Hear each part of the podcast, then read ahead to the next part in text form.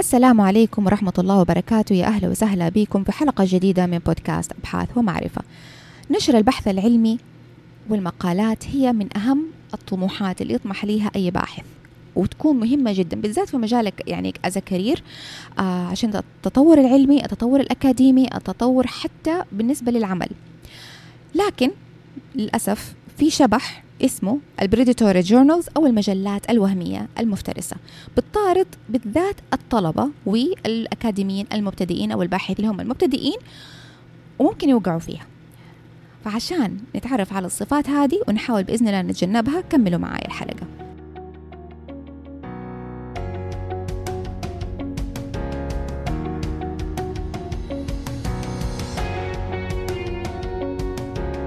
للناس اللي كلها فضول. تتعلم شيء جديد. الناس اللي حابة إنها تبحر وسط الصعاب عشان توصل للحقيقة إلا في آخر الطريق. ولإني زيكم أحب العلم وأستمتع بجلستي في كرسي الدراسة. راح أهديكم البودكاست ده اللي يتضمن خلاصة تعريفية بالأبحاث العلمية. بودكاست علمي والأهم إنه باللغة العربية. يا أهلا وسهلا بكم في بودكاست أبحاث ومعرفة مع مشاعل ديوان. أول حاجة في تعريف طبعا هذا تعريف مبدئي لل predatory journals اللي هي المجلات المفترسة حسب تعريف جيفري بيل. هي المجلات اللي تنشر المقالات الرديئة.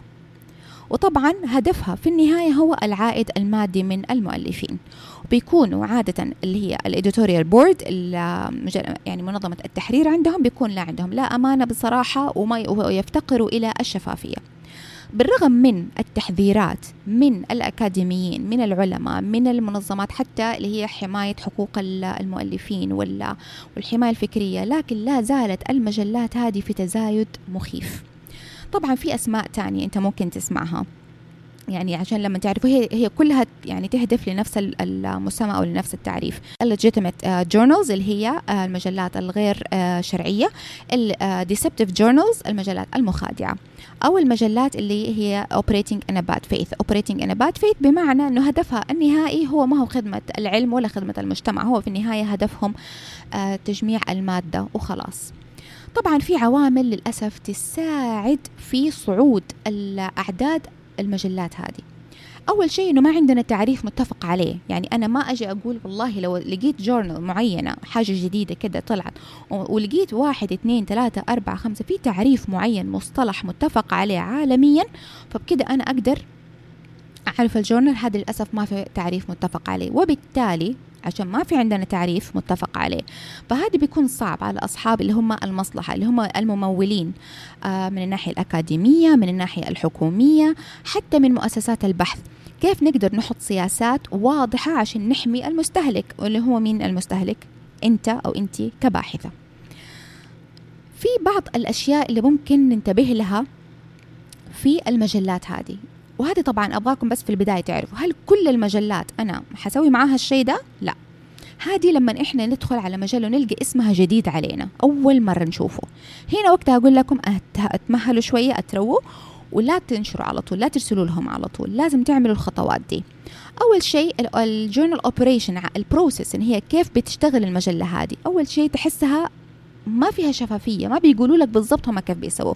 المجلات الموثوقة لا بيقولوا لك الخطوات من البداية للنهاية. هذا اللي حنعمله. حناخد الوقت هذا آه عملية الرفض احتمال حتاخد كده. كل شيء بيقولوا لك عليه. معايير الجودة تبعت المجلة نفسها بتكون سيئة. يعني مثلا المجلات الموثوقة بتقول إنه إحنا آه، نقبل آه، مجل عفوا دراسات معينة آه، تكون لها مصداقية معينة أو تكون جاية على نظام معين. فلنفرض. أنا عشان ما بدي أقول أسماء journals فبحاول قد ما أقدر إني أكون حيادية. الشيء اللي بعد كده articles بتكون جدا سيئة. ال impact factor لو سمعتوا إنتوا الحلقة اللي قبل كده اللي اتكلمت عن ال impact factor اللي هو العامل التأثير بيكون جدا ضعيف. أو احتمال حتى يكون ما هو موجود. فهذا يخليك تفكر.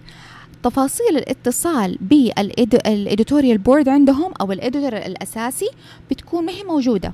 أو بيحط لك إيميل وكل شوية يرجع لك إنه وي كانت ريتش طب هذا يخليك تفكر بصراحة وتشك في الموضوع.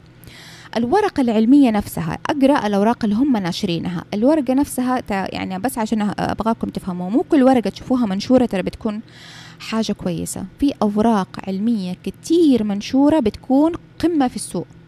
جدا. فمو كل واحد يجي يقول لكم بصراحة ترى أنا نشرت ورقة معناها أنه ورقته ممتازة. هذا الشيء أبغاكم تحطوه في بالكم. الورقة العلمية لما تلقاها منشورة في البريدتوري جورنالز أول شيء معايير الجودة عندهم سيئة جدا. الممارسات الأخلاقية في البحث نفسه بتكون سيئة. بمعنى يعني ما يكتب لك الباحث والله إني أنا أخذت ال informed consent الموافقة من الباحث من المشاركين أو ال IRB board ما يكتبوا الشيء ده وهذا جدا مهم.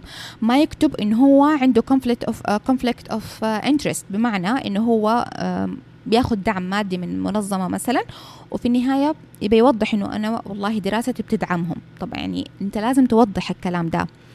المجلات نفسها جودة المقال لما تجي تدخل على المجلات الثانية مصنفة إنها سيئة.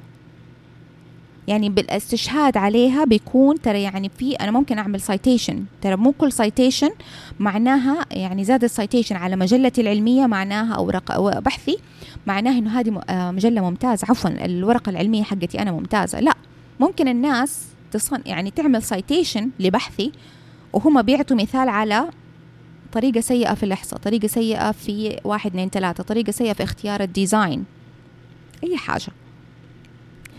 ال editorial peer review طبعا ال editor ال peer review هذا جدا مهم. ويعطيني فكرة بالعكس بيعطيني رأي خارجي.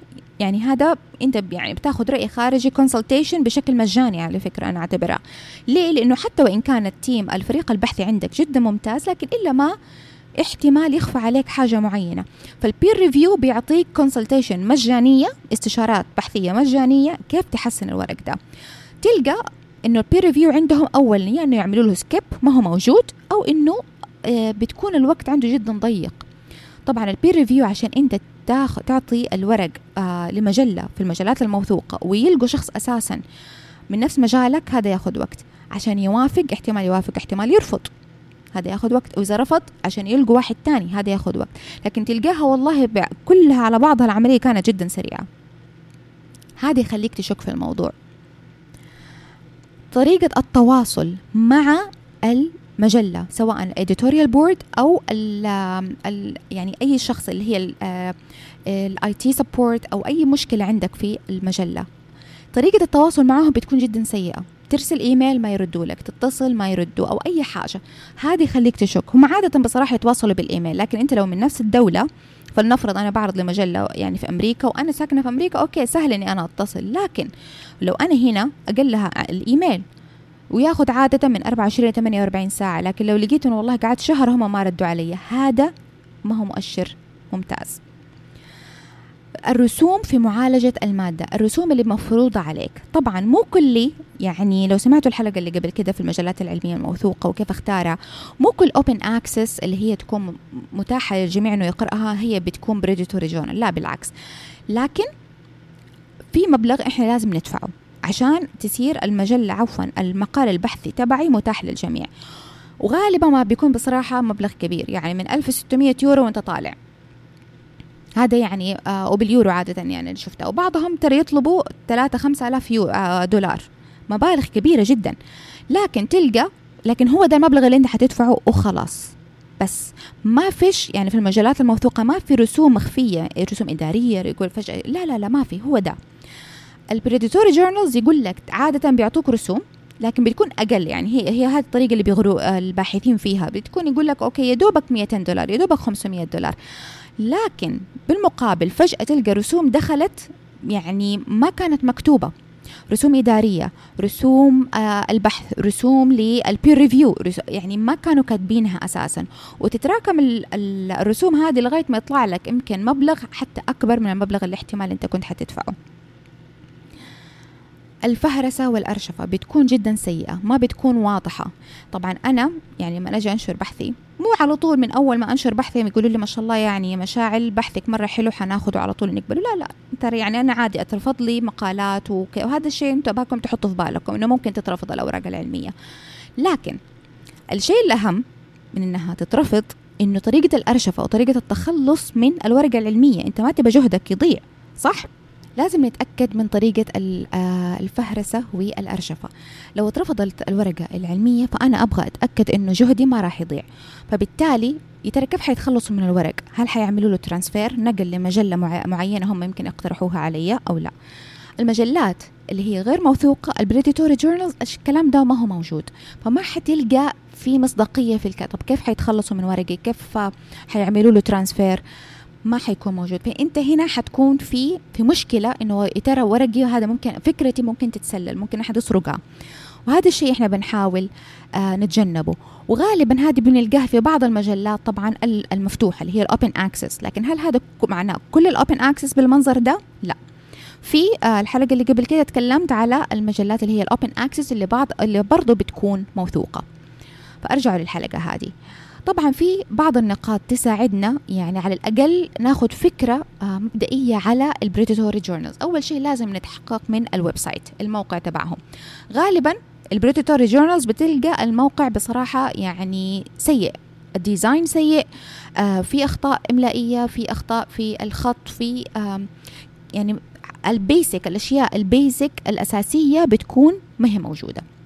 الشيء الثاني لما نجي يحددوا لك رسوم المجلة أو عفوا رسوم النشر. المجلات الموثوقة لما يكون حيقبلوا ورقك يقولوا لك okay حيخلوك تسلم الورق ويروح لل peer review وكل شيء. لما انت عشان إنت اخترت ال open access أو إنت اخترت ال open access لما كل شيء يصير خلاص done إنت ورقك انقبل وقتها يجي يقولوا لك يلا دحين حندفع المبلغ ده أدفعه عشان ننشر الورق ده. المجلات ال predatory هذه من البداية من مجرد ما أنت تسلم ورقك يقوم يقولوا لك يلا دحين أدفع. طب أنت ما أنت عارف هو انقبل ولا ما انقبل. ولو شفت إنه حصل إنه زي ما قلت لكم هدفهم المادة تجميع الفلوس وبس. لو شفت الشيء ده أنصحكم ان أنتم ما تكملوا معاهم. طبعا آه إذا قالوا إنه إحنا طبعا ممكن نكذبوا ويقولوا إنه هم عندهم عضوية في المجلات اللي هي المفتوحة.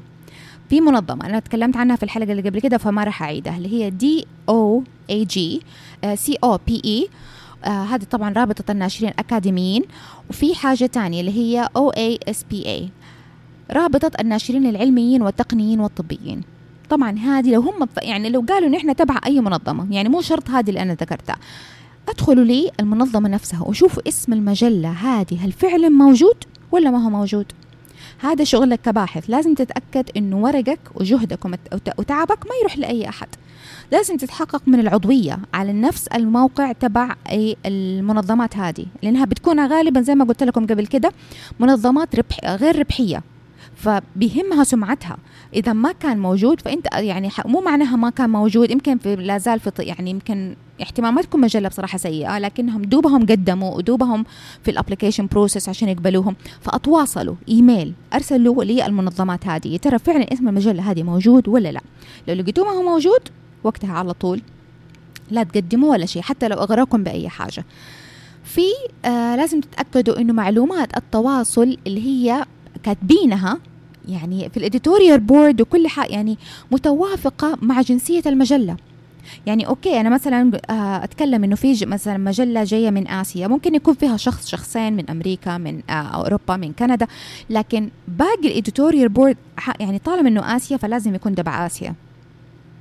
ما تلقى أحد فلنفرض من آه أمريكا اللاتينية ما نلقى لا لا لا ما حتلقى كده. إذا كان والعكس طبعا. يعني إذا كان مثلا Middle East journal فجأة تلقى ناس جايين من دول تانية ما لها علاقة. إذا كان شخص واحد فأنت ممكن تتواصل معاه وتتأكد بنفسك. وتتصل على الأرقام. أنا عارفه إنه هو شغل كتير لكن هذا شيء ضروري تعمله. تتأخر في النشر ولا إنه لا سمح الله ورقك يروح في المجلات هذه. طبعا لازم تتأكد من ال editorial board. ال editorial board هذا اللي هي يعني أعضاء هيئة التحرير. ال predatory journals ترى بيمسكوا اسم شخص مهم في مجاله سواء إحصاء سواء أورام سواء أي حاجة على حسب التخصص اللي أنتم فيه. ويحطوه ترى سهلة جدا. إني أنا أدخل جوجل وأجيب صورة وأجيب المعلومات التواصل. وبكده يسرقوها. يعني أوقات ترى يكون الشخص ما له علاقة وما هو عارف الشيء ده. فأنت لو لقيت الأسماء هذه فأنت أوصل لها. تدخل على ال LinkedIn أو آه، أو عفوا الموقع تبع ResearchGate ResearchGate هذه زي ال social media حقت الباحثين. كل واحد يعرض عمله ويعرض اخر آه، أبحاثه آه، في يعني وسيلة التواصل ويعملوا friends وكل شيء. بس طبعا كل حاجة في الحدود الأكاديمية. تتأكد من عملية ال peer review زي ما قلت لكم ال peer review هذه أنا بالنسبة لي أعتبرها خانة جدا مهمة وأنا أحبها لأنها تعطيني free consultation كيف أحسن ورقي؟ حتى لو كانوا حيرفضوه. فلما يكون عملية ال peer review هذه عملوا لها skip ما ما هي موجودة أو الوقت اللي بيعملوه لل peer review بيقول لك يعني خلال أيام أو خلال أسبوع فأنت لازم تشك إنه العملية دي ترى تاخذ وقت طويل. آخر شيء أباكم تنتبهوا. وتقرأوا يعني في المجلة هذه تقرأوا الأعداد السابقة في المجلة وتشوفوا المقالات اللي فيها. يا ترى يعني أول شيء هل في ترابط؟ يعني فلنفرض كل المجلة كانت عن ال oncology فجأة جابوا لك مرض داخل كده يعني ما هو ما له علاقة بال بالثيم تبع المجلة. أو كانوا كاتبين إنه scope and aim تبع المجلة إنه إحنا بس نعرض ال methodology اللي هي الأشياء غالبا ما بيكون ال design جديد بتكون لها علاقة بالإحصاء لها أي حاجة. فجأة تلقى ورقة literature review مثلا. طيب كيف؟ يعني في اختلاف ما بيكون في تناغم. المفروض ال scope and and aim and scope وهذا ترى من من أهم الأسباب اللي ممكن يرفضوا لنا أوراقنا. ترى لما إحنا ما نعرف توجه المجلة. طبعا في أخطاء تانية كتير جدا لكن هذه يعني أهم الصفات اللي أنا شفتها. ولقيتها في المجلات ولقيتها في التحذيرات حتى في المجلة يعني عفوا في الجامعة لما كنت أدرس هذه يعني أهم الأشياء اللي كانوا ينبهوني عليها. للأسف لا زال بالرغم من التحذيرات لا زال العديد يعني من الناس من الباحثين بيروحوا ضحية ال predatory journals. إيش أول شيء ممكن يعمل؟ لو أنت لا سمح الله نشرت في المجلة دي أول شيء اسمك حيتضر لأنك بتعرض المنتج تبعك في مجلة غير موثوقة. هذا الشيء الاولاني يعني. الشيء الثاني انهم ممكن ياخذوا الفلوس okay ويقولوا لك يلا حنعرض البحث تبعك لكن ما يتواصلوا معك لا إنهم نشروا ورقك ولا إنهم عملوا له ريليز ولا شيء ولا رجعوا لك فلوسك. فبالتالي بما أنه بحثك ترى عندهم أنت ما تقدر تنشره في أي مجلة تانية. ما تقدر نهائي ممنوع. فأنت لا إنك نشرت البحث ولا إنك أخذته ولا إنه اترفض. وتفضل معلق كذا هذه من بعض المشاكل البسيطة اللي أنا ممكن أقولها غير السرقات العلمية طبعا اللي احتمال تصير فعشان كده رجاء انتبهوا. وما حنضطر طبعا إحنا نعمله زي ما قلت لكم قبل كده مع كل المجلات. كل مجلة اقوم أسوي فيها الشيء ده. لا المجلات الموثوقة ترى بتمر عليك وبتلقاها. عشان كده أنت تسأل ال mentor أسأل دكتورك أسأل ال consultant أسأل أي أحد.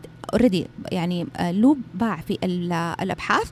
ويكون في نفس تخصصك وتسأله إيش المجلة الأنسب. إني أنا أنشر الورق تبعي. حيوجهوكم عادة للمجلات الممتازة أو على الأقل اللي يكون impact factor فيها مقبول حتى لو ما كان عالي جدا. لكن الأقلها تكون موثوقة.